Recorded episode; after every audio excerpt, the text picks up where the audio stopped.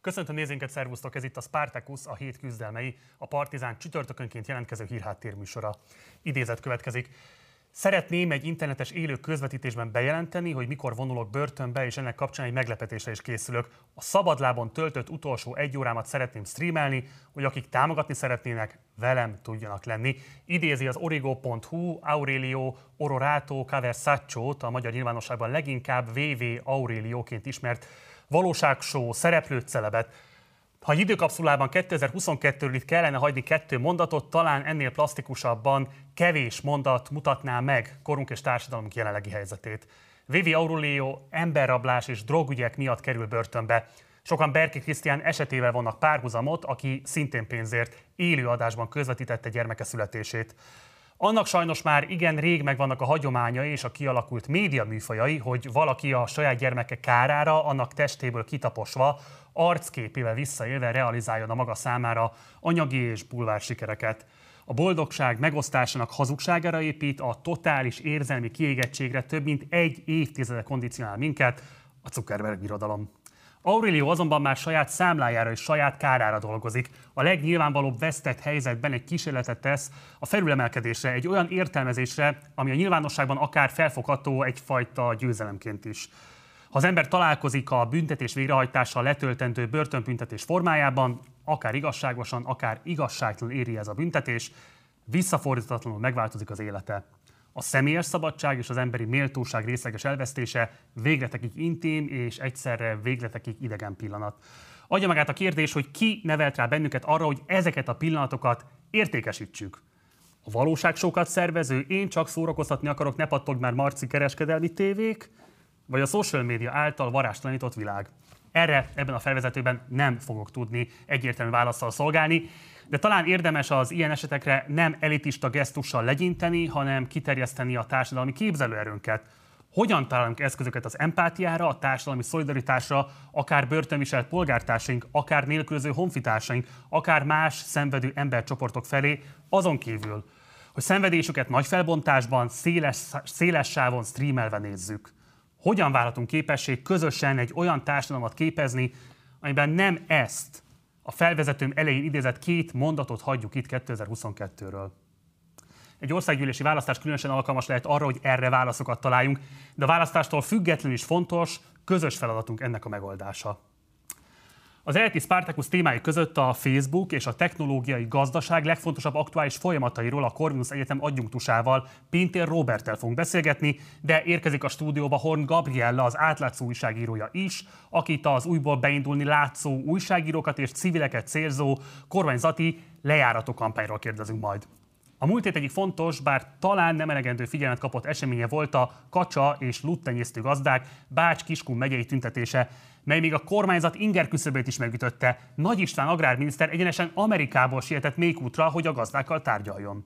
A térséget érintő politikai helyzet kapcsán Kis László, az Egységben Magyarországért bajai képviselőjelöltje érkezik majd hozzánk.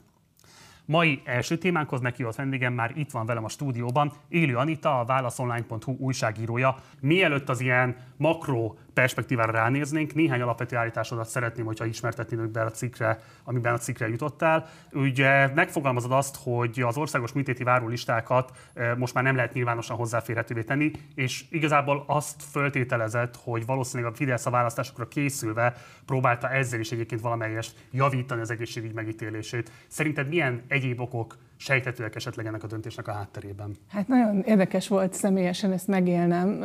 Ugye a cikke, cikkeinket úgy, cikkeink úgy születnek, hogy hogy mint amikor főzünk a hozzávalókat, összekészítjük, és aztán a végén jön az alkotási, a végső alkotási folyamat, meg az ellenőrzés, az ízpróba, és tulajdonképpen az ellenőrzés foly, ö, időpontjában, amikor azt néztem, hogy kifotózom a várólistákat, amelyeket vasárnap beleírtam a jegyzeteimbe, hogy meglegyenek screenshot formájában, hogyha esetleg jogvita vagy bármi keletkezik, azt láttam, hogy nincs ott, és nincsenek Egyik ott. napról a másikra? Hát vasárnapról kedre, mondjuk így, és akkor azt hittem, hogy rossz helyen keresem, mert nagyon bonyolult a, a NEAK-nak, az egészségbiztosítónak a honlapja, és akkor újra és újra, és, és, és nem volt, akár, akárhogy néztem, sehol sem volt, csak a saját korábbi jegyzeteimben. Tehát az történt, hogy a, a 2012 óta létező központi országos várólista az eltűnt, és helyette egy ilyen hat havi visszamenőleges átlag van. Ami hát nagy baj, mert nagyon kevés adattal rendelkezünk arról, hogy a magyar egészségügy milyen minőségben dolgozik, és ez azért egy fontos mutatója annak, hogy mennyit kell várni egy beavatkozásra, és hát rettenetes dolgok voltak ott vasárnap este.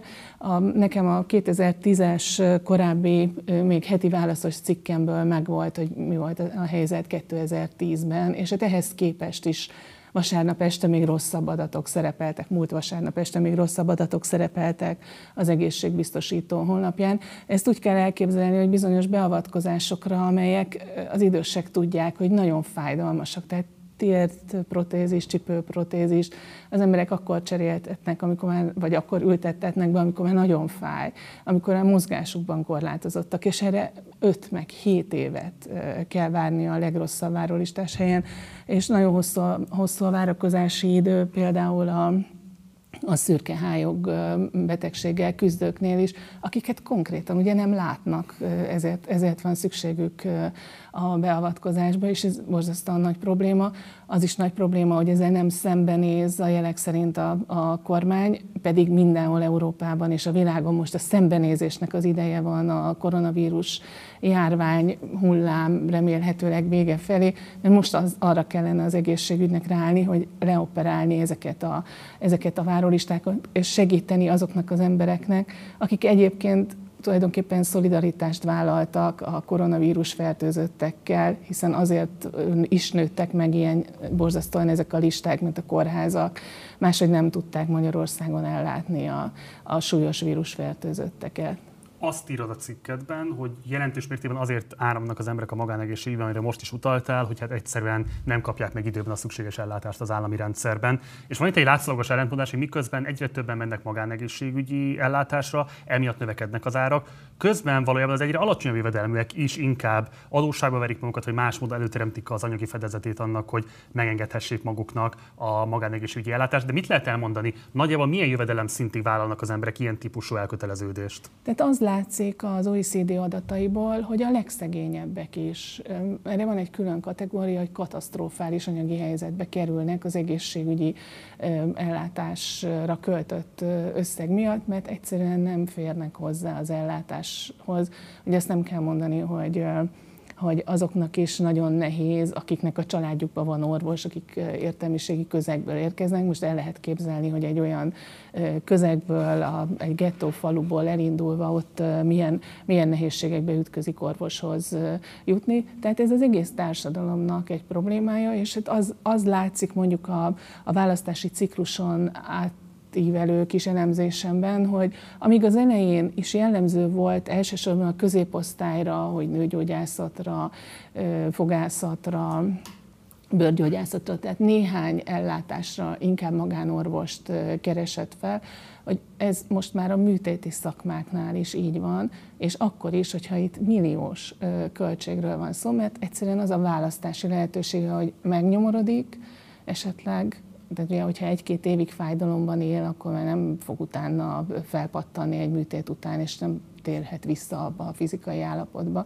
vagy, vagy pedig fizet, és így megőrzi a saját aktivitását és az egészségi állapotát. Arról lehet egyébként valamit mondani, hogy hogyan teremtik el ennek mégiscsak a fedezetét? Tehát családi informális alapon, kölcsönből, vagy esetleg van már konkrét pénzintézeti szolgáltatás, ami meghitelezi ilyen értelemben ezeknek a beavatkozásoknak a költségét? Tehát a nagy probléma az az Magyarországon, hogy egyrészt tehát nagyon fontos leszögezni, én egy konzervatív lapnak az újságírója vagyok, és egy más politikai irányultságú szerkesztőség vagytok, de abban szerintem nincsen közöttünk egyáltalán semmiféle vita, hogyha én kifizettem az egészségbiztosítási járulékomat, és kifizettem, és ez a, a, a társadalom biztosításért fizetendő összeg még egy minimálbérnél is 60-70 ezer forint uh-huh. havonta. Tehát nem két filléről beszélünk, ugye a nyugdíjjal és az egész, egészségbiztosításnak fizetendő összegről, akkor nem szépészeti beavatkozásokról beszélünk, hanem olyanokról, ami az egészségünket, ami egy alapszolgáltatása mindenütt a világon a biztosítóknak.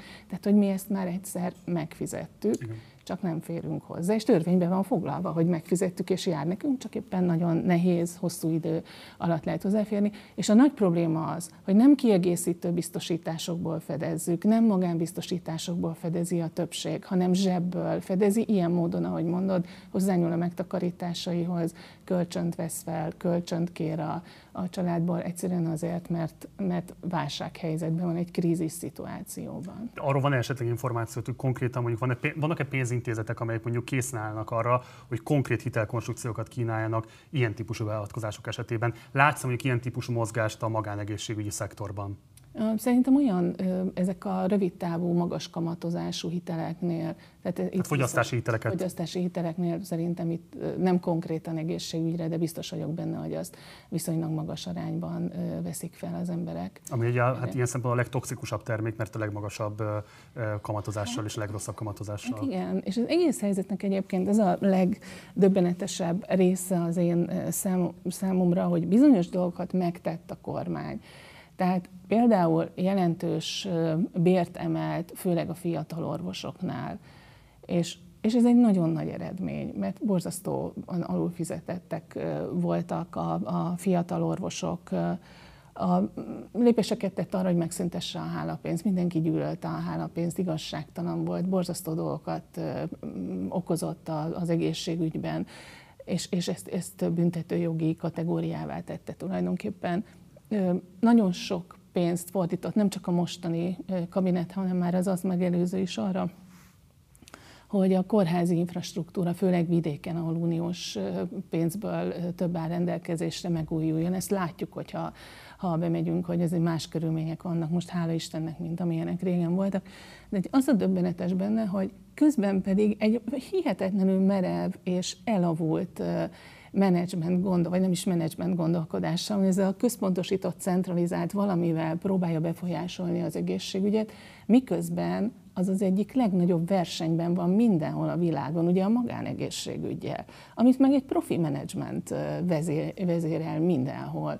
Pillanatok alatt kiszimatolják, hogy mi a gond az állami egészségügyel, és az összes terméküket gyakorlatilag arra építik rá. Tehát ez egyfajta ilyen jelzőrendszer, ha az állami egészségügyben valami rendben van, ha nem vagy bolond, hogy fizessél érte, akkor oda mész.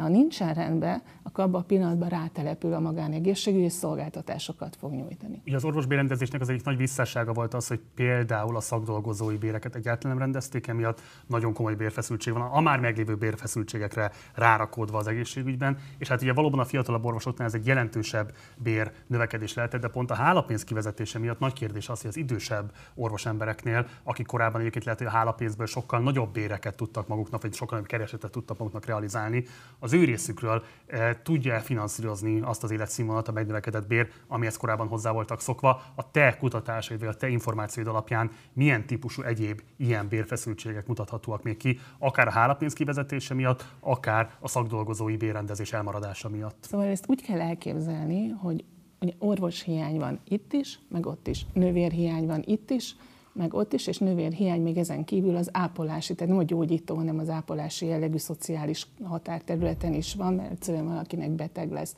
súlyos beteg lesz egy hozzátartozója, akkor ha nem akarja feladni a munkáját, akkor kénytelen a piacról vásárolni valakit, vagy valakiket, akik segítenek neki.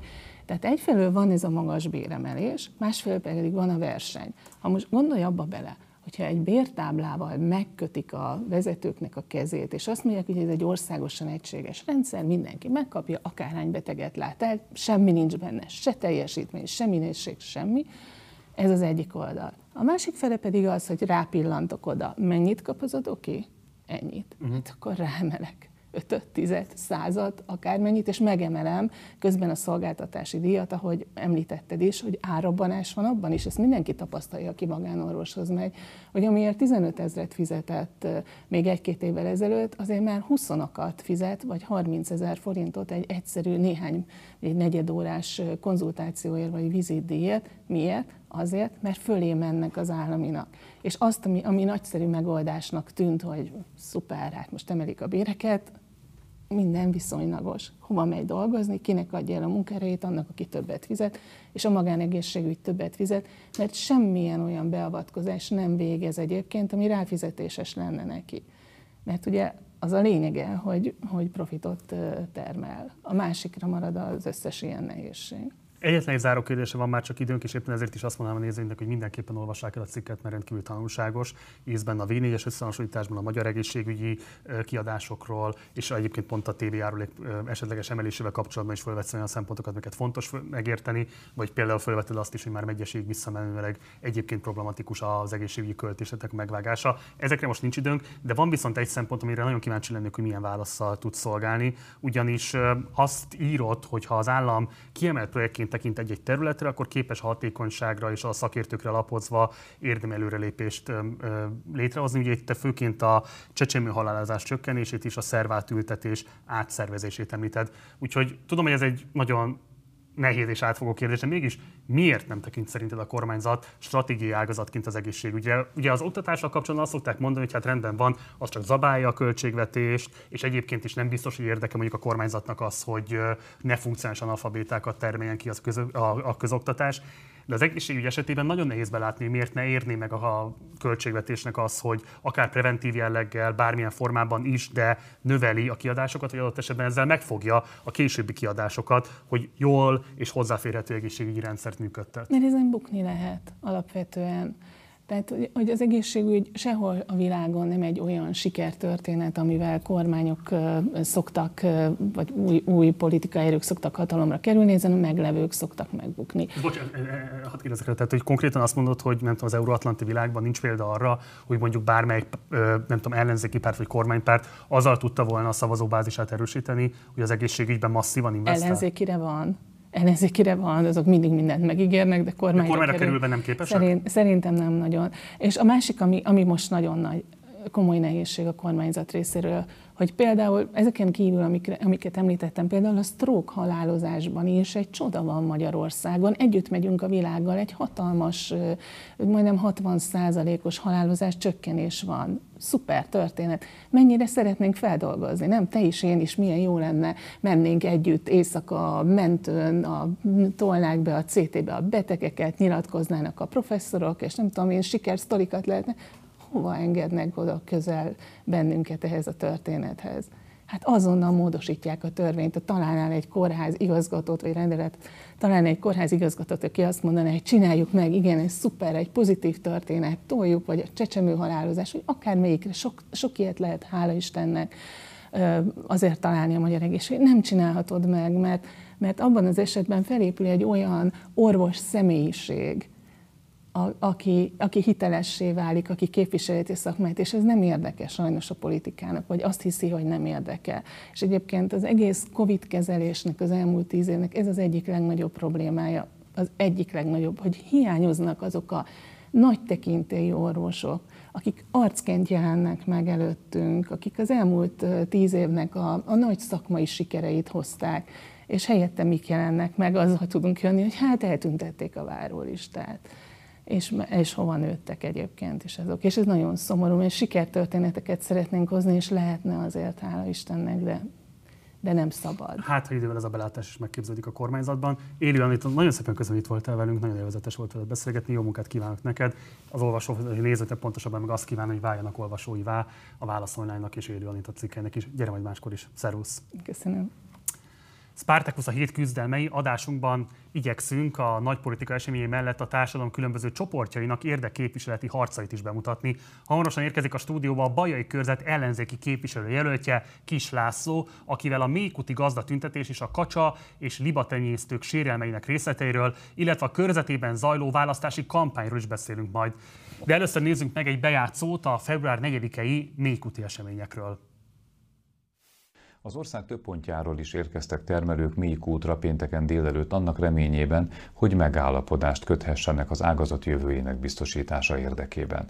Miközben az Agrárminisztérium azt mondja, és a számokkal nem tudunk vitatkozni, ez ténykérdés, hogy közel 14 milliárd forintot fizettek ki állatjóléti támogatásként, aközben azt tapasztaljuk, hogy a kistermelőkhöz a Magyar Államkincstárnak olyan levelei jönnek, amelyben sajnálattal tájékoztatnak, hogy ugyan jár, de nem jut.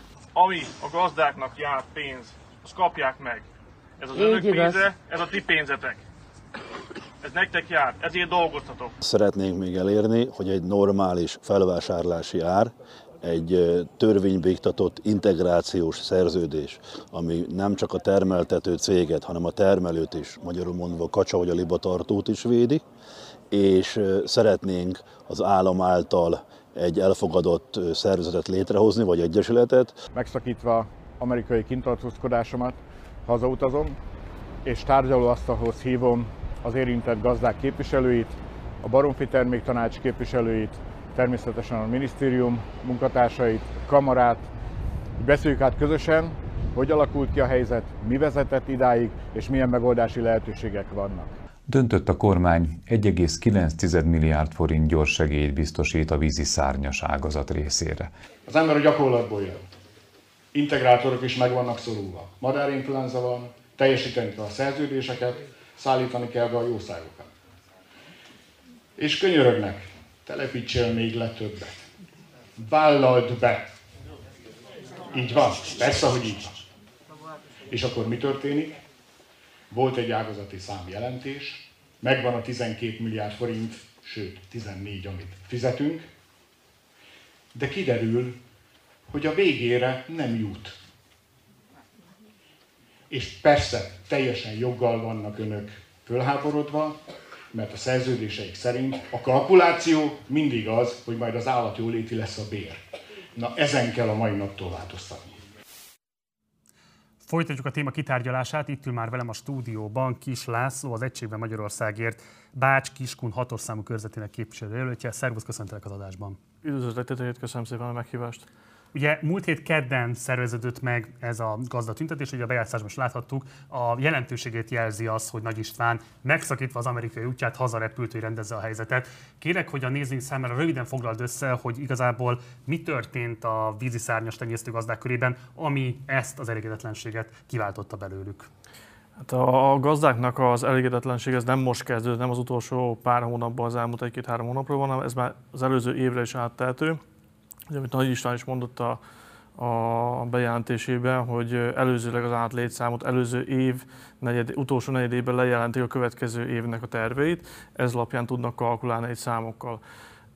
Ergo ilyenkor, vagy akkor abban a pillanatban meg kellett látniuk, hogy ez a 12 milliárd forintos állatjóléti támogatás elég lesz, vagy nem lesz elég. Tisztában voltak a helyzettel azzal, hogy madárinfluenza van a térségben, és hogy valószínűleg ki kell egészíteni ezt az átjóléti támogatást. De a gazdák az év folyamán többször is jelezték ezt a, a Nemzeti Agrárkamarának, az érdekképviseletnek, illetve az országgyűlési képviselőknek, ugye a hatosnak, illetve az ötös körzetnek, Zsigó Robertnek és Ványai Gábornak. Az én tudomásom szerint el lettek hajtva, nagy István, minisztérium, Nagy István minisztériumának is jelezték többször ezt, hogy itt komoly problémák lesznek, mert nem kapták meg a támogatást, amit tervszerűen nekik ütem, ütemszerűen kellett volna kapniuk és nem történt semmi. Érdekes módon pont választás előtt Nagy István kint van Amerikában, tárgyalt éppen a John Deere, ami, ami szép és jó. Aztán ö, szerveződött egy gazdatüntetés a gazdák részéről, egy utolsó elkeseredés folyamán gyorsan megszakította az amerikai útját, és hazarepült, és hozott két milliárd forintot. Azért azért azt tudjuk, hogy az két milliárd forint kormányzati szinten azért az nem egy nagy összeg. Van egy olyan értelmezés, ami a sajtóban fölröppent a különböző tenyésztők részéről. Ugye Tudni kell hozzá hátteret, hogy a baromfi ágazaton belül a víziszárnyas tenyésztők úgy értékelik, hogy náluk igazából nincsen oligarha érdekeltség, szemben például ugye a pulyka és csirketenyésztők esetében ott vannak csányi érdekeltségei, ott vannak mészáros érdekeltségei, és sokan azzal magyarázzák, hogy ilyen kitettsége van az ágazatnak, hogy egész egyszerűen nincsen ilyen értelemben bekötöttség a, a NER rendszerébe. A te megítélésed szerint valóban a, kisga, a kisgazdálkodók szenvedték el leginkább azokat a hátrányokat, amiket te is most felsoroltál az előbb? Így van, tehát azért az, tudni kell, hogy az integrátor ugye adja a, a, az élőállatot, a, a takarmányt a, a termelőknek, ő belekalkulálja az árba, hogy akkor a legvégén mennyit fog kapni a termelő, és mindig annyit kaptak volna, hogy hogy éppen, hogy még megéljenek belőle. Ugye erre jött volna rá még az átjóléti támogatás amit a gazdák kapnak azért, ami a gazdáknak jár azért, hogy az, a, az állatokat megfelelő körülmények között tartsák, ugye legyen benne járványvédelmi intézkedés is, kerékfeltétlenítő, stb., csörvédő, mély almostartás, akármi, és ezt a Baromfi Terméktanácsban ülő vezetőség nem jól osztotta le, ugyanis ezt az átjólító támogatásokat tudomásom szerint ők osztották vissza. Uh-huh. Tehát így nem kapták meg a, a termelők a megfelelő juttatás, különféle, különféle címszavakkal ezeket az átjólító támogatásokat meg, másra költötték és mondani, ennyi pénz jutott. Én annyit tudok, hogy beszéltem egy baromfi tartó ismerősöm, meg felhívott engem vasárnap, hogy mi lett ennek a tüntetésnek az eredménye. Mondtam neki, hogy hát két milliárd forinttal ki lett pótolva, csak annyit tett hozzá, nem tudja, hogy ez pontosan elég lesz mert a broiler csirketartóknál is támogat, az átjólító támogatások 60-70%-et még nem kapták meg a tavalyi évre. Hm. Tehát ott is lesznek még gondok. Én ennyit tudok erről így Picit bővebben mit lehet elmondani a helyieknek a reakciójára a Nagy István megérkezéséről, és főként erről az 1,9 milliárd forintról.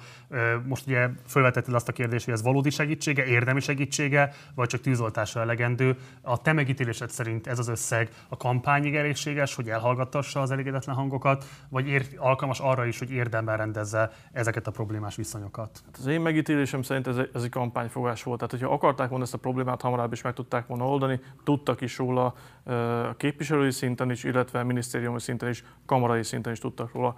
Szerintem ez most jelen pillanatban egy tűzoltás a kampány részéről.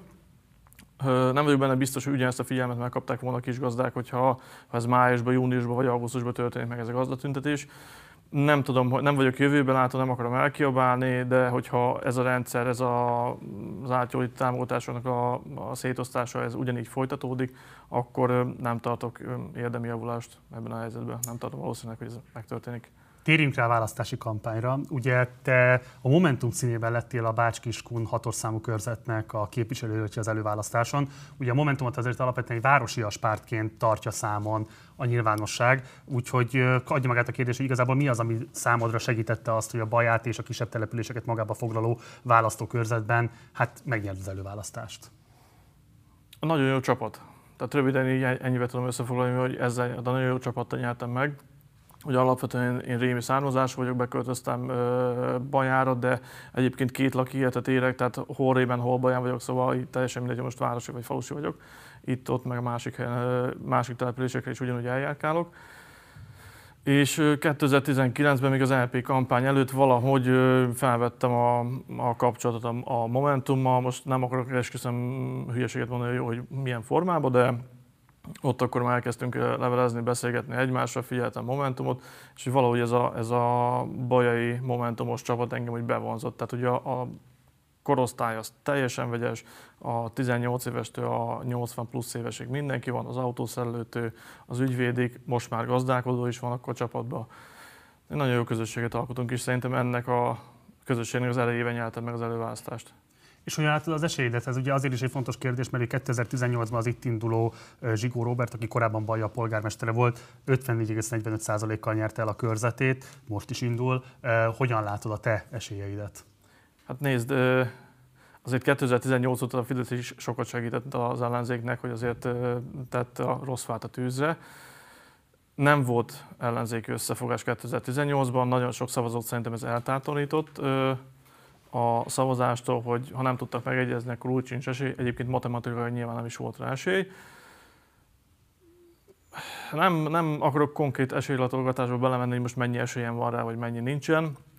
Én azt az egyet szeretném elérni, hogy április 3-án este, hogyha vége van az egész választási mizériának, olyan értem a szavazás lezárul, akkor nyugodt szívvel le tudjuk este feküdni ott, hogy mi megtettünk mindent a kampány érdekében ha most satszolni szeretnék, akkor én azt mondom, hogy 50-50 százalék. Tehát ilyen 50-50 okay. alapon. Zsigó Robert elindította már a kampányát. Milyen módon igyekszik aktivizálni magát a választókörzetben?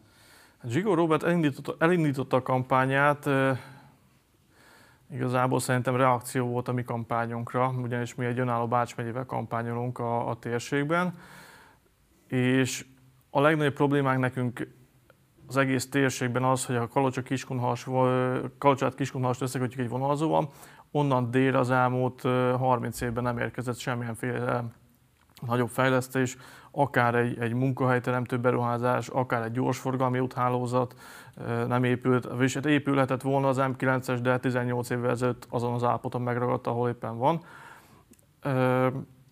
Most éppen a nagy sikereit próbálja eladni a választóknak én nem tudom a sikernek, tehát én elhiszem azt, hogy több milliárdot költöttek útfelújításra vagy iskolafelújításra, ami, ami, ami tény is való, de ezt én inkább azt mondanám, hogy felújításnak. Tehát annak idején a TS rendszer, vagy hogy is mondjam, a szocializmusban is minden évben kifestették az iskolákat. És nem kellett minden, minden évben szórlapot tenni a, a, a postaládákba, hogy milyen ügyesek vagyunk, ki tudtuk festeni az iskolákat, felújítottuk az orvosrendelőket. Hát ez egy állag megóvás, ami itt történt mi nálunk. Nem adtak át új osztálytermeket, hogy akkor ennyivel több a gyerek, mondjuk, mondjuk a, a következő első évfolyamban már nem 20 gyerek van, hanem már 50 gyerek, nem lettek új osztályok átadva. Tehát én ezt nem tartom sikernek. A fiatalok elvándoroltak, az én korosztályom 80%-a pedig kint él külföldön. Ezek a tények sajnos. Valóban egyébként az önálló Bács megye volt az, amit téged igazából így a szélesebb nyilvánosság számra megismertetett, hiszen ez volt az, amivel nagyon sok országos elérésű portál is elkezdett foglalkozni, és emiatt a neved közszájon forgott. A kérdés az, hogy erről egyeztettél például Márkizai Péterrel, vagy egyáltalán a hatpárti koalícióval. Van-e reális esély annak, hogyha lesz kormányváltás, akkor például a te kezdeményezésedet ők maguk is támogatják? Természetesen egyeztettünk a Márkizai Péterrel és a hatpárti szövetség, és kértek tőlünk be egy, egy jól megfogalmazott háttéranyagot, hogy miért látjuk ezt indokoltnak, mennyire látjuk életképesnek, illetve Hát egy szakmai indoklás kértek részünk, részünkről, és ennek pozitív volt a fogadtatása. Most az még nincs kimondva, hogy ez, ez benne lesz a közös programba, de tárgyal, tárgyalunk róla. Mekkora esélyt látod annak, hogy ezt felkarolja? A hatpárti koalíció. Tehát arra gondolsz, hogy így most uh, holnap mondjuk bejelenti, hogy akkor... Ha az ember az ellenzékre szavaz az áprilisi választásokon, akkor azzal támogatja az önálló Bács megyét, vagy sem? Én megmondom őszintén, optimista vagyok, én látok erre esélyt. Oké. Okay. És ugye mondjuk el a nézőknek, hogy ennek nyilván azért lenne jelentősége, mert hogy ez megnövekedett forrásokat jelentene, amiket a megyei szinthez kötnek. Igen, tehát azért Bács-Kiskun megye az ország legnagyobb megyéje, 8443 négyzetkilométer, egy átlagos magyar megyének a duplája. Tehát Bajáról nemrég voltam Kecskeméten, nemrég kellett autóval mennem Kecskeméten, 106 km volt Kecskemét, 1 óra 47 perc volt az út. De van még délebbi település, ott van például Hercegszántó, Dávod, Bács, Szentgyörgy, az még egy 30-40 km. Tehát a legdélebbi településnek 130-140 km a távolsága, iszonyatosan sok idő, mire oda az ember eljut, nagyon rossz minőségű utakon. Egy záró kérdés, Zsigó Robert nyilatkozott-e már arról, hogy támogatja például ezt a kezdeményezéset, vagy sem? Nem nyilatkozott, de valószínűleg az ellenzéki ötleteket nem fogja támogatni. Kis László, nagyon szépen köszönöm, hogy elfogadtad a meghívásunkat, és köszönöm szépen, hogy itt voltál. Köszönöm szépen a meghívást.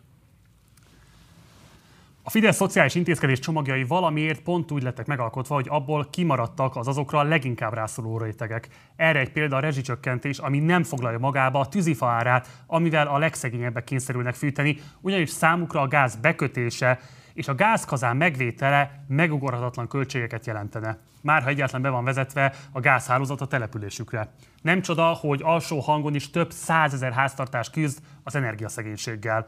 A 300 legszegényebb magyar kistelepülés egyikében ágon járt a helyközi járat. A kevesebb mint 200 lakos számláló Baranyai zsákfalu az ország egyik leghátrányosabb helyzetű mikrotérségében, a hegyháti járásban található.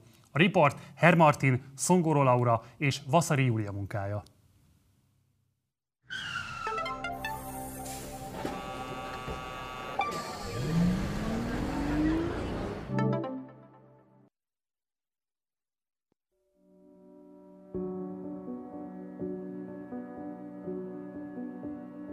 Nagyon-nagyon sok családnak okoz problémát a téli tüzelő megvásárlása. Legtöbben közmunkából élnek, tehát ezt el lehet képzelni, hogy mennyire nagyon-nagyon nehéz ebből a jövedelemből, amikor egy telet kifűteni, alsó hangon is 10-12 köbméter fa, ez a 150-200 ezer forint. Kegyetlen nehéz. Nagyon nehéz.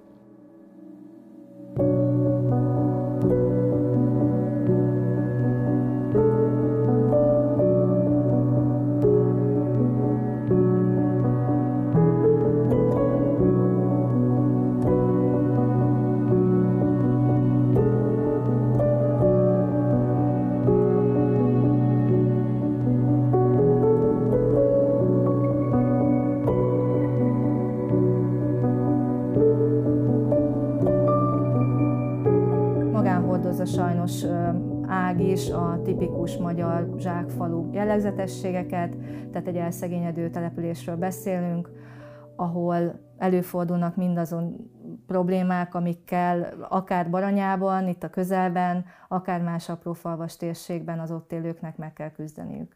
Nincs munka lehetőség, a közmunkán kívül szinte semmi. És a Dombováról meg azt kell tudni, hogy két átszállással lehet átjut, eljutni. Igen, Tehát hiába 20 és hogyha, kilométer. Igen, és hogyha műszak van, Így tehát van, két műszakban van. meg képtelenség. Délután 5 óra 10 perckor jön az utolsó busz, és utána semmi. Ilyen kilátástalan itt a körülmények, Igen. mint ahogy mondtad, hogy uh, miért élnek még mindig itt az emberek, mert nem költöztek el azok, akik itt maradtak. Miért nem költöztek el? Hát hova költözzenek, miből, hogyan? Tehát eh, az eh, nem úgy működik, hogy fogom magam és elköltözök. Tehát kinek van arra pénze, hogy eh, Dombováron több 20 millióért házat vegyen, hát ez nem. Meg hát azért sokan vannak, akik itt születtek, mint például én is, és nem szívesen hagynánk el a, a falunkat. Tehát azért, aki itt megszokta már, az, az, az nem szívesen megy el innen. Szeretjük a falunkat egyébként.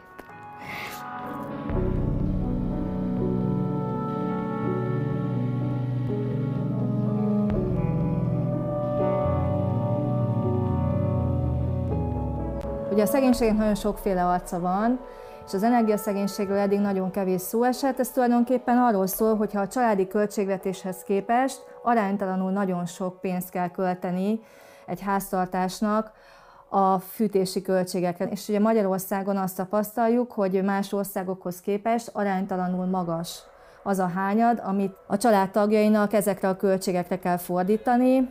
Tehát itt több millió ember Magyarországon nem tudja megfelelően fűteni, illetve hűteni a, az ingatlanát. Ez nagyon ö, szorosan együtt jár a lakhatási szegénységgel, hogy szigeteletlenek a házak, hogy nem megfelelőek a nyílászárók, hogy, hogy energiapazarló ugye maga az ingatlan, hiszen amit beleteszünk energiaként, az nagyon gyorsan kiszökik az említett hátterek miatt. Tehát ez egy összetett jelenség, és, és miért tánytalanul nagyon kevés szó esik erről, és főleg ezzel a réteggel meg, még ha vannak is reformok, nem nagyon foglalkozik senki. Kapunk ö, a szociális tüzelőt, ami nagyon-nagyon jó, és ezt ö, általában minden család megkapja itt tágon. Ez nagyon-nagyon jó, és sokat segít. De az meddig elég? Egy hónapig. Igen. Tovább nem. Tehát, hogy a Habitatnak volt egy felmérése, ahol én próbáltam utána járni, hogy akár egy háztartás van-e, akinél például a, a csok vagy bármilyen ö, aktuális lehet-e, és egyszerűen úgy van a szabályozás kialakítva az állam részéről, hogy még véletlenül sem. Ugye nincs bejelentett munka, a közfoglalkoztatást azt nem veszik ö, egy olyan kategóriába, vagy nem, nem tartozik abba a kategóriába, amit elfogadnak. Ezek az emberek mindenből kiesnek, ami, ami ilyen típusú lehetőség. És ugye ez a réteg nem került be a rezsicsökkentésbe, és a fára Hát ugrott nyilván. meg leginkább az elmúlt évben a tüzelőanyagok közül, tehát hogy Igen. halmozottan ö, hátrányos helyzetbe kerültek az egyébként is borzalmas nehézségeket megélő apró falvak lakói. Valójában nagyon kevés figyelmet kapnak az ellenzéki pártok részéről, és ezek a problémák, tehát néha ilyen matricaszerűen megjelennek, de igazán milyen senki részéről nincs érdeklődés az itteni problémák iránt. Hát a politikus meg én az az ég és föld. Tehát én, én nagyon messze vagyok a politikustól. Műlábbal vagyok, észükület volt. Tehát én ezt örököltem. Már nem lehetett úgy munkát találni. Pláne így, hogy mint ahogy vagyok, hogy mint rokkant. Én jó vagyok így, ahogy vagyok, ilyen szerényebben, csak maga a lakást tudnám miből helyrehozni, és akkor azt mondom, hogy szuper. Igen, csak meg kellett húzni a nadrágszíjat ahhoz, hogy meg tudjam a térre venni a tűzifát. Létezni is kell. Tehát eh, ahhoz, hogy a tüzelőt megvegyem, és a tüzelővel meg nem tudok spórolni, hogy, hogy azt, azt ugyanúgy meg kell vegyem, mint hogyha öten melegednénk mellette. Holott csak egy magam vagyok.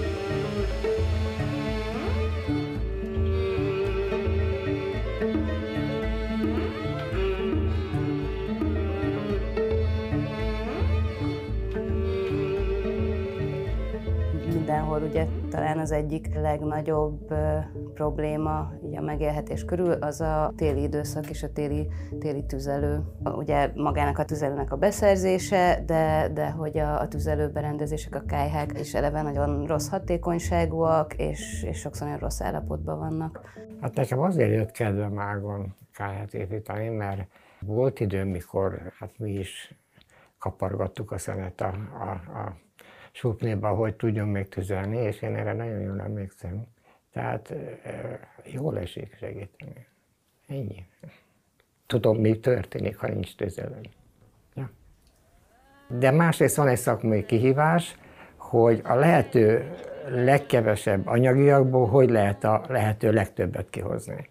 A környezetbarát fatüzelés az Függ a, a szerkezettől, tehát magában, amiben elfűtjük, és függ a fa minőségétől, és a cserépkájában 8-10 kg fával egyszer nagyon jó fel lehet fűteni a cserépkáját, tehát végterés 15-20 kg fával hideg teleken és legalább egy-két helységet teljesen melegen lehet tartani amit mi kitűztünk célnak, hogy, hogy mindenképp egy bontott kájha csempéből, de szakszerűen profi kájhaépítő által épített cserépkájhával versenyképes legyen, tehát költségben körülbelül ugyanott legyen, de lényegileg gyorsabban és kényelmesebben meg lehessen építeni, és, és egyelőre úgy tűnik, hogy, hogy ez, ez, ez sikerül, vagy hogy nagyon jó úton haladunk.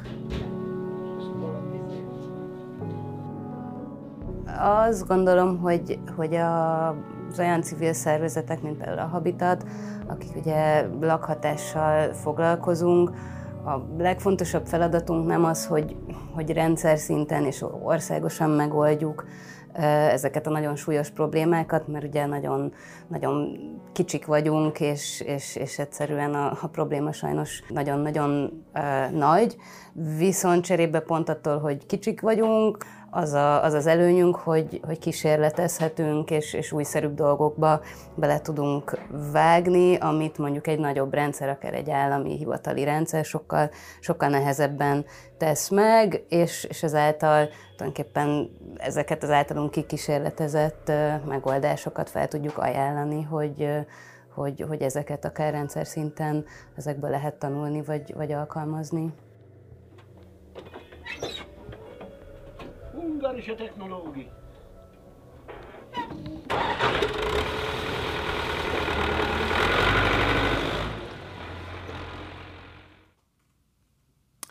És folytatjuk a stúdióval a műsort. Itt van velem Horn Gabriella, aki a héten írta meg az átlátszón, hogy milyen eszközökkel próbálnak a választási kampány során átverni és kompromitálni civileket és újságírókat, kamu álláshirdetésekre invitálva őket. Megpróbáljuk közösen értelmezni, vajon mennyiben vonható párhuzam a négy évvel ezelőtti hasonló eseményekkel, amikor a Black Cube izraeli céghez kötődött az akkori újságírókat, civileket megvezető lejárató kampány. Szervusz Gabriela, köszöntelek a műsorban. Szervusz, jó estét kívánok! Kezdjük akkor azzal, hogy ugye a cikketben eléggé plastikusan írod le azt, hogy milyen módon zajlott mele a megfigyelése ezeknek az újságíróknak. Ugye kamu álláshirdetéseken keresztül invitálták őket egy bizalmas beszélgetésbe, ezeket a beszélgetéseket online rögzítették, és ezekből különböző részletek kerültek el, hát hol Kovács Zoltánhoz, hol egyéb kormányzati médiumokhoz, és te azt sejteted, hogy itt igazából valami fajta titkosszolgálati emlékeztető eszközöket vethettek be a megfigyelések érdekében. Mi alapozta meg ezt a következtetésedet?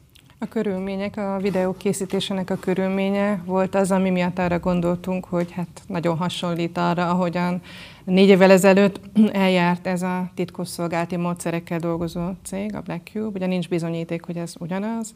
Annak ellenére, hogy például nevek is előfordultak a négy évvel ezelőtti akcióból, ezt a politikó vette észre és maguk a felvételek a Magyar Nemzet szerkesztőségébe érkeztek, állítólag. Ők nem tudják, hogy milyen egy ismeretlen e-mail címről kapták, és nagyon pici részleteket láttunk ezekből a felvételekből a Magyar Nemzet cikkeiben, ahol már egy külön cikkbirodalom alakult ki, Soros emberei címmel e, erről a témáról. Három nyelven jelentek meg ezek a cikkek, azóta magyarul, angolul, németül, sőt négy nyelven franciául is reflektált rá Kovács Zoltán, Bajer Zsolt, a miniszterelnök is a pénteki rádió interjújában kitért erre, Twitteren mindenhol osztják. Tehát körülbelül most már 25-26 cikk elérhető szerintem a Magyar Nemzeten.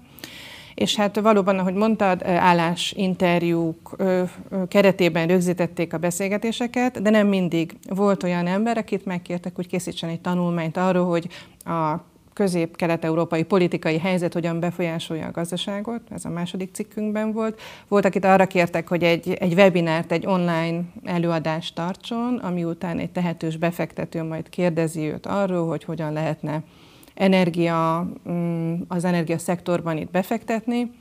És hát előfordul, hát én furcsa áll, áll, áll személyiségek voltak, a cégek eltűntek, voltak LinkedIn profilok, amik eltűntek azután, hogy, hogy lezajlott ez az interjú velük. Úgyhogy ezekből a részletekből következtettünk arra, hogy, hogy nagyon hasonlítanak arra a titkosszolgálati módszerekre.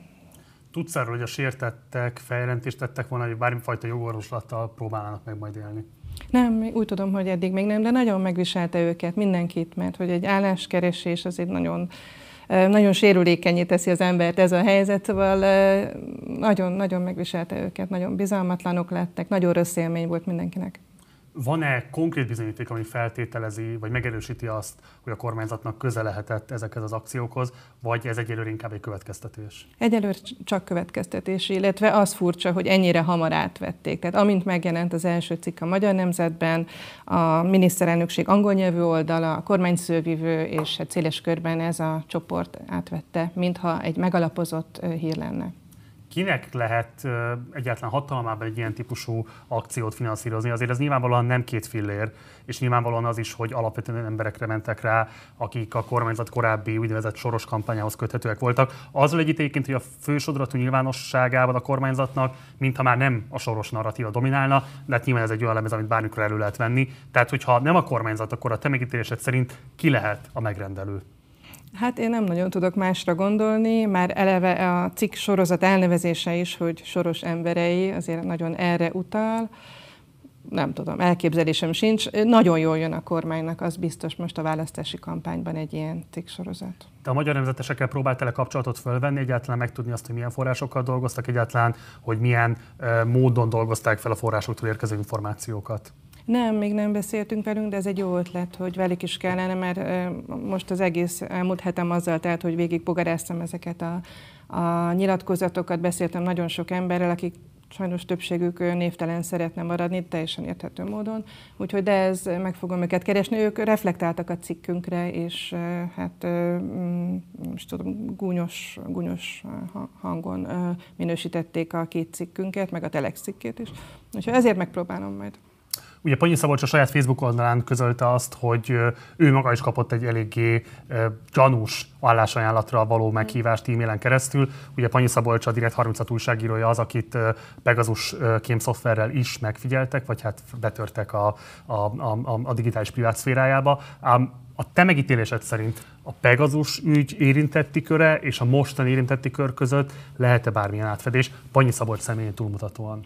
Ez érdekes, hogy ezt kérdezed, mert az egyik első kérdésem az volt az egyik eh, sértetnek, hogy az ő telefonján találtak-e eh, fertőzést. Tehát, hogy a Pegazussal megfigyeltek, és azt mondta, hogy még nem nézte, úgyhogy mondta, hogy meg fogja nézni. És ma délelőtt volt egy, eh, egy online közvetítés az Európai Parlamentből, ahol pont a Pegazus ügyről beszélgettek, és ott például a lengyelországi részletek érdekesen picit egybecsengtek ezzel a mostani Black Cube-szerű ügye, mert ott az történt, hogy volt olyan ellenzéki politikus, akinek nem is csak megfigyelték a levelezését, meg az SMS-ezését, hanem bele is avatkoztak, megszerkesztették egy kicsit. És hogy én, én egy árnyalatnyi hasonlóságot éreztem ezzel a mostani ügyel kapcsolatban azok a személyek, akik láthatóak a Skype felvételeken, ugye itt van egy HRS nő és egy magát milliárdosnak kiadó álláskínáló főnök, utána lehet annak menni, hogy pontosan kicsodák és hogy milyen szerepük volt az egész történetben. Hát a szerkesztőségben beszélgettünk, és arra jutottunk, hogy az is lehet, hogy ezek színészek, uh-huh. de nagyon sok, tehát nagy erőforrásokat fektettek, akik szervezték ezt az egészet, mert képzelt emberek voltak. Tehát az egyik, a második cikkünkben az egyik forrás azt mondta, hogy ott, egy, ott nem, nem ez a közelkeleti külsejű és nevű férfi kereste meg őt, hanem, hanem, hanem egy német középkorú üzletember megjelenésű és beszédű, tehát egy, egy képzett valaki. Úgyhogy igen, szóval igen, nem, nem, nem tudom, hogy, hogy, hogy, hogy, hogy, hogy igen. A te tudásod szerint kezdeményezi az ellenzék a Nemzet Biztonsági Bizottság összehívását, vagy próbálnak-e bármilyen formában foglalkozni ezzel az ügyjel? Nem tudom, azt tudom, hogy négy évvel ezelőtt megpróbálkoztak ezzel, és akkor a kormánypárti képviselők ezt leszavazták, úgyhogy akkor nem került rá sor. Én szerintem érdemes lenne foglalkozni vele, igen. És akkor zárok is, a te megítélésed szerint várhatóak-e további fejlemények, lesznek-e még további felvonásai ennek a történetnek? Lehet, hogy lesznek. Vannak olyan forrásaink, akiknek a videófelvétele még nem szerepelt a Magyar Nemzet cikkében. Tehát bocsánat, neked van olyan forrásod, akivel hasonlóképpen készült interjú, de ezt még nem publikálták. Igen, igen. Tehát simán elképzelhető, hogy ez még akkor be van tárazva. Igen, igen, és hát ö, félnek is, tehát szoronganak ettől, nem érzik jól magukat, igen. Hány ilyen érintetről tudsz? Ö, azt hiszem egy volt, aki még nem jött le, és hmm. aztán, igen, egy az, az teljesen biztos. Igen, igen, igen. Jó, hát akkor... Um, Bocsánat, kettő, szomorú, kettő? kettő? Igen, igen, kettő, kettő, kettő, és nem is mondhatok róluk semmi többet. Jó, de magyar emberekről van szó. Magyar állampolgárságú emberek, igen, van, aki Oké, okay, is mondj többet. Rendben. Jó, hát Gabriella, nem mondom azt, hogy várjuk a fejleményeket, mert ez egy eléggé szomorú történet, de hogyha lesznek fejlemények, akkor hogy visszavárunk a stúdióba, és egyéb ügyekben is visszavárjuk a stúdióba. Köszönöm szépen, hogy itt voltál velünk. Köszönjük a meghívást. a nyilvánossággal. Köszönjük. Köszönhetesen.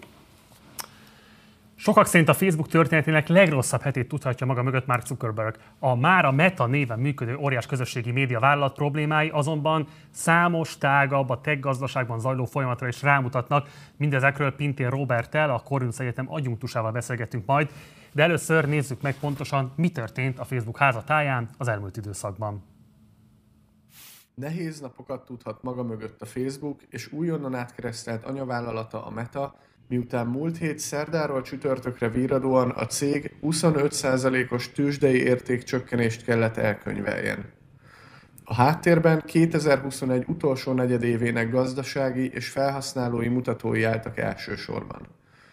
A Facebook pénzügyi modellje nagyrészt az adatalapú, célzott reklámokból származó bevételekre alapozott, mely nehézségekbe ütközött, miután az Apple elkezdte korlátozni harmadik felek adatokhoz való hozzáférését az általuk gyártott eszközökön, de szintén problémákat jelez az is, hogy világszinten most először csökkent a platform napi felhasználóinak száma. A Facebook, Instagram és WhatsApp fémjelezte vállalat azonban átfogó problémákkal is szembe kell nézzen vetétársai részéről. A TikTokhoz és más feltörekvő applikációkhoz képest már nem tudnak elegendő újdonságot nyújtani, melyet az is jelez, hogy a Zuckerberg által erőltetett metaverzumot egyelőre inkább internetes mémek és általános piaci szkepszis övezi, míg a platformjaik próbálják másolással utolérni versenytársaikat, így például rövid videós tartalmakat már a Facebookon és Instagramon is lehet terjeszteni.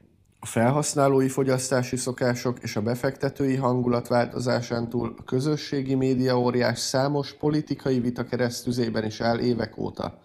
Mindezek kérdésessé teszik, meddig tartja meg domináns pozícióját a tech világban a Facebook. És folytatjuk is a téma kitárgyalását. Itt már velem Pintér Robert. Szervusz, köszönöm szépen, hogy elfogadtad a meghívásunkat. Sziasztok! Kezdjük azzal, hát nyilván egyébként azt feltételezem, hogy aki a Partizánt nézi, az nagyjából tisztában van a megfigyelési kapitalizmusban érintett cégeknek a politikai gazdaságtanul, mondjuk így összefoglalom, de mégis mi azok a legfontosabb tudások, amiket nem lehet elégszer elmondani arról, hogy mi a gazdasági modellje ezeknek a cégeknek, mi az, ami különösen problematikussá teszi őket? Hát ha nagyon röviden kellene összefoglalni, akkor azt gondolom, hogy a Facebooknak volt egy eredeti ígérete 2004-ben, tehát amikor elindult, és aztán szépen elkezdett terjeszkedni, és megnyitotta a lehetőséget arra, hogy bárki becsatlakozzon. Ugye ez két-három ígéret volt, hogy összekapcsol mindenkit. Ez többé-kevésbé megvalósult, hiszen 3 milliárd aktív havi felhasználója van, hogy lehetővé teszi azt, hogy az embereknek a hangját halljuk, hogy elhallgathatja valamilyen szempontból, hogy feleslegesé teszi a kapőröket, vagy megkerülhetővé teszi, illetve vállalkozások számára lehetővé teszi azt, hogy elérjék a fogyasztóikat. Tehát ez volt az eredeti ígéret, és egyébként a, a Metának a sajtóközlemény, ami nemrégiben jelent meg, október végén, pont amikor a, a Francis Hagen féle szivároktatási botrány nagyjából közepén voltunk, ez megismételte ezeket az ígéreteket. És a probléma az az, hogy ezek az ígéretek ilyen fals módon valósulnak meg, és átfordulnak saját ellentétükben. Mondasz egy konkrét ígéretet? Tehát például az, hogy, hogy mondjuk mindenkinek a hangját hallhatóvá tesszük, és a, és a kapuőrök, ugye, tehát akik mondjuk újságírók, tehát hogy megjelent, tudom én, nem lehetett megjelenni a, a saját hangoddal, a saját véleményeddel korábban, amikor ugye a, a hagyományos média működött, gyakorlatilag a Facebookon elmondhattad a véleményed, megjelenhetett, tömegeket érhettél el, stb.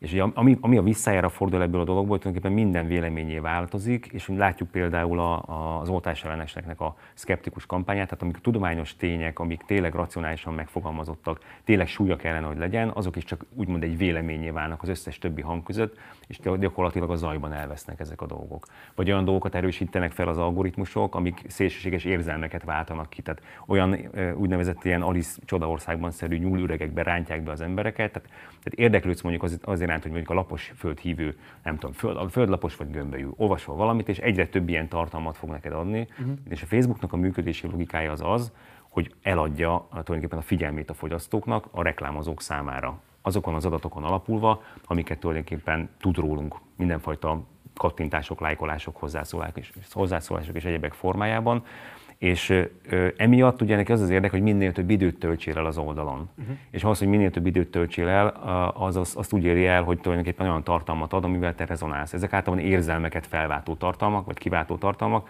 vagyis tulajdonképpen negatív érzelmeket a legkönnyebb kiváltani, tehát nagyon sok negatív érzelmet erősít fel, és a Facebook tulajdonképpen így monetizálja, vagy így csinál pénzt ebből az egészből, és az ígéret, ami eredetileg tett, az mind megvalósult, csak kicsit a fordítottja, ami, ami valójában a, a világra hullik vissza. Erről még kicsit mesélj kérlek, mert ugye újságíró szakmai szereplők, politikai, gazdasági szereplők már régóta problematizálják azt, hogy az Instagramnak és a Facebooknak hogyan van kiszolgáltatva a tevékenységük, ugye amit te is most így említettél, a különböző algoritmusok kiismeretetlen működése miatt hogyan eh, vannak kiszolgáltatva igazából egy számukra ismeretlen erő számára.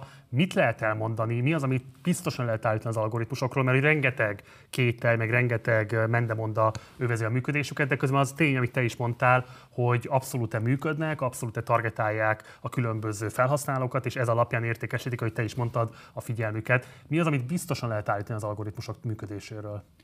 Hát, ez egy kicsit uh, van egy nagyon érdekes hasonlat, a gene hasonlat, tehát az algoritmusoknak egy jelentős része, akik megépítik, ők sem feltétlenül tudják, hogy hogy működik. Ugye a gene-ról azt kell tudni, hogy egy gene megidézel és mondasz egy kívánságot, akkor teljesíteni fogja szó szerint a kívánságodat, de lehet, hogy nem pont úgy abban az értelemben, ahogy azt te szeretnéd. Mondjuk, hogy legyen csend és béke a világon, és akkor az összes embert mondjuk eltünteti, és akkor csend és béke lesz a világon, de nem így akartam, vagy nem így gondoltam. És, az algoritmusoknak is van egy ilyen furcsa pervez logikája, hogy megépítik őket, hogy ezek elkezdenek tanulni ezeken az adatokon, csinálnak dolgokat, és és aztán utána nem tudjuk, hogy pontosan bemegy valamilyen adat, és aztán kijön valami a másik végén, és hogy mi történik oda bent, azt pontosan nem tudjuk. Tehát az algoritmusoknak ugye az a lényege a Facebooknál, hogy ott tartsák az embereket, olyan tartalmat adjanak, ami számukra releváns, hogy elkezdik szerkeszteni ezeket a tartalmakat, és sok esetben ö, olyan dolgokat tesznek elénk, amit esetleg inkább le, le kéne csavarni, vagy le kéne halkítani. Ugye a Myanmari mészállás vagy, vagy népírtás kapcsán merült fel, ugye abból volt egy ENSZ vizsgálat is a Facebooknak a szerepe, hogy egyszerűen a milíciáknak a, a, az uszító, gyűlöletkeltő posztjait, azt ahelyett, hogy, hogy eltüntette volna, vagy akár mondjuk cenzúrázta volna, ahelyett inkább látta, hogy ezt lájkolják, tetszik az embereknek, de kicsit ráerősített, vagy futótűzszerűen terjedő álhírekre ráerősít. És tulajdonképpen a Facebooknak itt óriási felelőssége van, mert nagyon sokan onnan tájékozódnak, például az amerikai lakosság 40%-a onnan szerzi a híreit. Ugye Zuckerbergnek a vállalat, illetve a nyilvánosság felé a Metaversum elnevezésű projekt volt a javaslata arra, hogy hogyan kellene átalakulni a Facebooknak. Ez kvázi egy olyan ö, virtuális valóság, ahol egyszerre lehet fogyasztani, társadalmi életet élni, híreket fogyasztani, és így tovább. Hát meglehetősen vegyesen sikerült a fogadtatása ennek a fejlesztésnek. Szerinted miért? Hát azt gondolom, hogy ez még mindig sci kategória jellegű, tehát hogy a, ugye egy kever, valójában ugye nem annyira virtuális, mint kevert valóságról beszélünk, tehát ők azt mondják, hogy egyszerre ez egy virtuális, egy úgynevezett augmented vagy kibővített valóság. Nagyon egyszerűen akarom mondani, hogy a Terminátor filmet látta valaki, a Terminátor filmekben ugye a Terminátornak van egy szemüvege, vagy egy személy, és akkor rávetíti a valóságra az extra dolgokat, információkat. Tehát, tehát, hogy valahogy ezt a kevert háromdimenziós valóságot szeretnék megvalósítani. Ez kicsit visszamegy az internet eredeti működés módjához, amikor a 90-es években elképzelték, hogy hogy lesz mondjuk online kereskedelem, hogy bemész egy online plázába, és akkor te ott sétálsz, vannak ugye portálok, kirakatok, és akkor bemész a boltba, megtapogatod így virtuálisan, megfogod a dolgokat, van eladó, akivel tudsz beszélgetni. Tehát ezt a világot próbálja meg átültetni a valóságba, és e, ezzel az a probléma igazániból, hogy a billentyűzet, egér és monitor típusú kommunikációt felváltja egy olyan kommunikáció, ahol mondjuk egy virtuális szemüveget kellene mondjuk fölvennünk, vagy bele kellene merülnünk ebbe a valóságba. Mondjuk egy online meetingen nem úgy vennénk részt, hogy Zoom, vagy nem tudom én, egy platformon nézzük a kis beszélő fejeket, hanem hogy mondjuk ez, ezt az asztalt virtuálisan körbejük, és virtuálisan, és látjuk egymást. Tehát kicsit ilyen fizikai jelenlétet ígér ez az egész meta, és az emberek szerintem erre nincsenek igazániból fölkészülve, hogy ez a dolog ez így jönne. Kicsit ilyen vicces bizonyos szempontból, ilyen játékszerű élményt nyújt, nehéz komolyan venni, és nehéz átfordítani tulajdonképpen mindent ebbe a világba. Én azt gondolom, hogy most még kicsit megmosolyogtató, de ha elég ügyes a Facebook, akkor ez 5-10 éven belül tud, tud valóságá válni, olyan virtuális valóság, amiben benne élünk. A tavalyi év végén jelent meg a G7-en egy cikked, amelyben igazából a Facebook és más óriás platformok szabályozhatóságának a kérdését vetíted előre, mint ennek az évnek az egyik fontos központi kérdését. Milyen korábbi példákat tudsz mondani arra, amikor az állam képes volt az innovációs szereplőket sikeresen szabályozni? Hát két konkrét példát szoktak említeni, ugye Francis Hagen, aki korábban a Facebooknál dolgozott, és 2021. októberében volt egy meghallgatása, hogy egy mint szivárogtató nagyon sok dokumentumot hozott, hogy a Facebook pontosan tisztában van azzal, hogy mennyire romboló tevékenysége, de a saját profitjának nem tud a kísértésnek nem tud ellentmondani, vagy ellenállni, és ezért a közgyót feláldozza gyakorlatilag a profit oltárán. És erre két példát mondtak, az egyik a dohánygyárak, a másik pedig az autógyártók. Ugye a dohánygyárak esetében nagyon sokáig tudták a dohánygyárak, hogy ez káros, rákot okozhat, csak ezeket elmismásolták, relativizálták ezeket az eredményeket. Ugye ma már nem lehet dohánytermékeket reklámozni, nem lehet 18 év alatti gyerekeknek, fiataloknak eladni, tehát olyan szabályozások jelentek meg, amik egy bizonyos térbe bezárják ezt a terméket. Megvásárolni persze meg lehet. Az autógyártóknál pedig a biztonsági követelmények, hogy ne gyulladjon például ki egy autó, vagy biztonsági jöv legyen benne, tehát hogyha balesetet szenvedek, akkor megvédjen. Mert hogy hát nyilván egyszerűbb lenne úgy egy autót megépíteni, hogyha olcsóbb, egyszerűbb, könnyebb anyagokból lenne megcsinálva, és hát nem biztos, hogy annyira biztonságos lenne, de úgyis kevesen szenvednek balesetet, akkor ezzel nem kell foglalkozni. És a Facebookkal is ugyanez a helyzet, hogy szabályozni kellene azt, amit ő csinál. Egyébként az Európai Unió nem most, és nem ennek a botránynak hatására, hanem, hanem már 2020-ban elkezdett több olyan szabályozást kialakítani, ami a digitális piacokat, a digitális működésmódot meg fogja változtatni, és ez gyakorlatilag a következő fél egy évben könnyen lehet, hogy, hogy valóságá válik. Most van egyébként parlament előtt ennek a tárgyalása. Ugyanakkor azért ezek a gigatech vállalatok eddig is nagyon könnyen tudták kijátszani különböző versenyhivatalokat, adóhatóságokat és így tovább. Ugye a legújabb hír az, hogy a Facebook itt hagyná az európai piacot is a GDPR szabályozás miatt, ami ugye jóval szigorúbb adatszabályozás, mint ami az Egyesült Államokban létezik. Mindezt figyelembe véve reális-e az, hogy bármifajta nemzetállami vagy nemzetközi autoritás képes ezeket a vállalatokat érdemben befolyásolni, szabályozni? Szerintem igen, de nem nemzeti szinten, hanem, hanem az Európai Unió például nagyon jó példát mutat most már az Egyesült Államokban is kritikusabban állnak hozzá Googlehez és a Facebookhoz az utóbbi egy-két évben. Tehát a GDPR például az egyszerre jó és rossz példa is erre, túl szigorú, de ugyanakkor bizonyos dolgokat megkövetel, és mondjuk egy Magyarország nem tud mondjuk egy Facebookkal szemben érdeket érvényesíteni, vagy nehezen, vagy egy Franciaország, vagy egy Németország, ugye különböző ügyek vannak most nem, nem mondom őket végig, mert nincs rá idő, de hogy össze-európai szinten tudnak olyan szabályozást hozni, amit utána a Facebooknak muszáj elfogadni, vagy a Google-nek, és aztán ezt a gyakorlatot sokkal egyszerűbb neki az egész világon bevezeti. De miért kellene neki elfogadni? Hiszen azt mondja, hogy el, el, elhagyom a európai ez piacot. Egy félreértés volt, hogy ő elhagyja. Tehát valójában ez, ez egy, tehát a Facebooknak rendszeresen ugye, mivel tőzsdei cég, kell neki a, a befektetők felé jelentéseket közzétenni. És egy befektetési jelentésnek egy eldugott részében volt, mint egy újságú részrevet, hogyha ez a szabályozás, ami most van, ez a rezsim van, vagy még erősebb lesz, akkor a Facebook a metát abban a formában technikailag nem tudja kivitelezni, hogy Európai Uniós vagy területen lévő európai szerverekkel legyenek ezek a, ezek a folyamatok.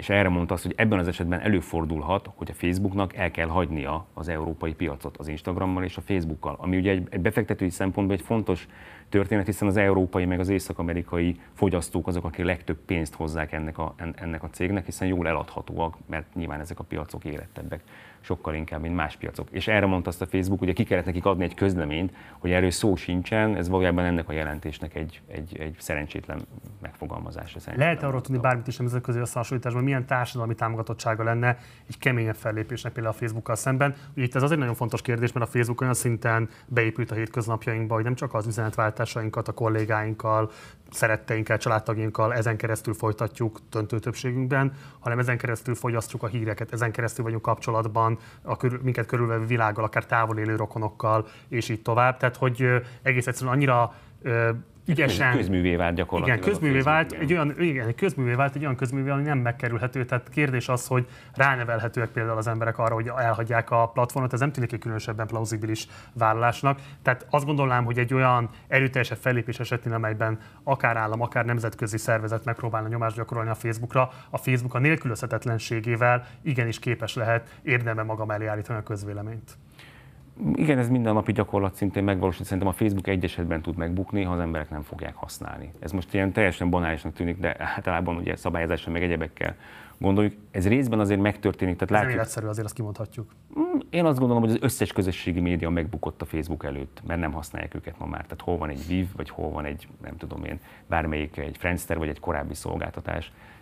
Egyik sem érte el azt a milliárdos felhasználói adatbázis. De elérhette volna, tehát igazániból a Facebook azért tartok most, mert itt, ahol tart, mert nagyon ügyesen lavírozott a különböző helyzetekben, folyamatosan innovált, talál ki dolgokat, megerősíti azokat a célokat, amiket, amiket korábban tett ígéreteket, és azokat megpróbálja megvalósítani. Egy ponton ugye bicsoklik meg ez az egész, ha a fiatalok, akik jönnek be a rendszerbe, nem használják és azért azt lehet látni, hogy a tinédzserek egy része az elfordult a Facebooktól, tehát nem regisztrál be a Facebookra, vagy csak a Messengerre regisztrál be, ott is játszottak ugye ezzel, hogy lehet-e önállóan Messenger telepíteni, vagy Facebookot kell telepíteni. Tehát ha a fiatalok nem használják, akkor ugye a végénnek potyognak ki úgymond az öregek idézőjelben, akkor ugye van olyan alternatív, ami fel tud nőni, vagy versenytárs tud lenni. Nem az ördögügyét akarom játszani, de azért ez egy évtizedes folyamatnak tűnik, ráadásul ott van az Instagram, ami szintén a Facebook ökoszisztémába tartozik bele, és az igenis egyébként tömegével képes a fiatalokat, akik mondjuk nem használnak már Facebookot, bent tartani a Facebookos ökoszisztémában. Igen, hát igen, kétségtelen ez egy nagy játszma. Itt egymást is ütik, verik, ahol tudják a Google, az Apple és a többi nagy cég, kis cégek is, feltörekvő cégek, ilyen a TikTok is. Tehát, hogy a, a Facebook, én azt gondolom, hogy nehezen, de, de nem tartom lehetetlennek, hogy egy lassú erodálás következményeként ki tudjon kerülni a Pixisből. Azért most rájár a rúd, tehát nem olyan pozitívan viszonyulnak hozzá szerintem egy csomó helyen bizonyos problémák, még ott részben, amiket mi is most átbeszéltünk. Ugye a platformgazdasági szereplők körében nem szokás beleérteni a Facebookot, inkább szokás, nem tudom, asszociálni a különböző ételkiszállítókra, vagy az olyan típusú applikációkra, amelyben személyszállítást lehet megrendelni. Ugye Magyarországon szabályozták, de mondjuk Európában nem. És ugye ezeknek a szereplőknek, gazdasági szereplőknek egy nagyon fontos vonása az, hogy nem hagyományos munkáltatás keretén belül foglalkoztatják a munkavállalóikat, hanem például Magyarországon a katárszerződés keretében és így tovább. Mit lehet elmondani általánosságban a Facebook foglalkoztatás politikájáról? Mennyiben igyekszik itt is kijátszani a nemzeti szabályozásokat? Milyen típusú érdekvédelmi lehetőségeket biztosít a munkavállalói számára? Hát ugye a Facebook az gyakorlatilag alig foglalkoztat embereket. Tehát, hogyha megnéznénk, hogy egy 3 milliárd fogyasztót kiszolgáló médiavállalatnak hány embert kellene foglalkoztatnia, akkor valójában azt látjuk, hogy ahhoz képest ez, ez elenyésző, tehát töredéke annak, amit egyébként ebben mondjuk hasonló médiavállalatok beleraktak az elmúlt mondjuk 20 évvel ezelőtt. Tehát azt gondolom, hogy ez egyik állítás, a másik, hogy a, emiatt, hogy kevés embert foglalkoztat a Facebook igazániból neki nem a bér problémák. Tehát nem, az a, tehát nem ugyanaz, mint mondjuk egy, egy gig economy-ban működő, egy futárszolgált, vagy egy Amazon raktár, a működtetése, ahol tényleg a bérterhek nagyon fontosak, és próbálják minél inkább alacsonyan tartani, és, és a munkavállalóknak a jogait megcsorbítani. Azt gondolom, hogy a Facebooknál ilyen probléma azért nincs. Ezzel kapcsolatban lehet hallani hasonló önszerveződésekről, amik például az Amazon esetében átütötték még a magyarországi hírszolgáltatók inger küszöbét is? Inkább arról lehet hallani, hát a Facebook tehát az a vicc, hogy a Facebooknál dolgozik, még ezeknél a cégeknél a, leg, a legnagyobb koponyák, akik, eh, akik kikerülnek a legjobb egyetemekről Amerikában, és ezek az emberek azon dolgoznak, hogy hogyan lehet ott tartani az embereket a Facebookon ahelyett, hogy azon dolgoznának, hogy hogyan lehet eljutni a Marsra. Tehát, hogy valami olyan, tényleg valami nemes dolog van. És amikor azt látják, hogy a kapitóliumot ostromolják, és ebben a Facebooknak elvitathatatlan szerepe van, akkor ez visszafordul saját, eh, tehát, hogy, tehát egyszerűen azt mondják az ember, hogy ennél a cégnél dolgozok én, miért nem csinálom már végre valamit. És ez például be tudja dönteni a Facebookot, hogyha egyszerűen a, az alkalmazottak, a jobb emberek elmennek. Pinti Robert, nagyon szépen köszönöm, hogy itt voltál velünk, és köszönöm, hogy mindezt megosztottad a nézőinkkel. Köszönöm is a meghívást. Én máskor is. Ez volt már a Spartacus a hét küzdelmei. Holnap elmarad a péntekesti partizán, mert sajnálatos módon Kis Ádám betegségé miatt nem tudott sor kerülni az adás felvételére, de jövő héttől újra lesz majd péntekesti partizán. Ezen a héten érdemes lesz nézni még a telepjárót, illetve vasárnap érkezik a Partizán 60-ba Márkizai Péter, akit nagyon régóta vártatok már, úgyhogy most vasárnap fog egy órában vágás nélkül válaszolni a kérdéseimre. Érdemes lesz majd akkor is velünk tartani. Fontos hír a héttel kapcsolatosan, hogyha esetleg valaki nem követte volna a híreket, Ugye a Partizán és a 24.hu egy választási együttműködés keretében Frontvonal címén indít egy projektet, amely először is abból áll, hogy február 28-ától kezdődően a Partizán négy héten keresztül járja majd az országot, hogy pontosan milyen helyszíneken arra hamarosan majd tájékoztatást adunk a Facebook oldalunkon, hol máshol. De egyébként utána visszaérkezünk Budapestre, és a választás hetében már Budapestről fogjuk követni az eseményeket, és a választás napján a 24.hu-val együttműködésben reményeink szerint a legnagyobb elérésű, a legfrissebb hírekkel jelentkező, a legmegbízhatóbb online választási eredménykövetéssel, eredményváró műsorral szolgálunk majd benneteket. Úgyhogy érdemes lesz velünk követnetek a választási eseményeket, mi itt leszünk, és azon leszünk, hogy hozzátok eljutassuk a legfontosabb tudnivalókat. Munkatársaim nevében köszönöm szépen a figyelmeteket, hamarosan találkozunk. Én Gulyás Márton voltam Budapestről, jó éjszakát, ciao.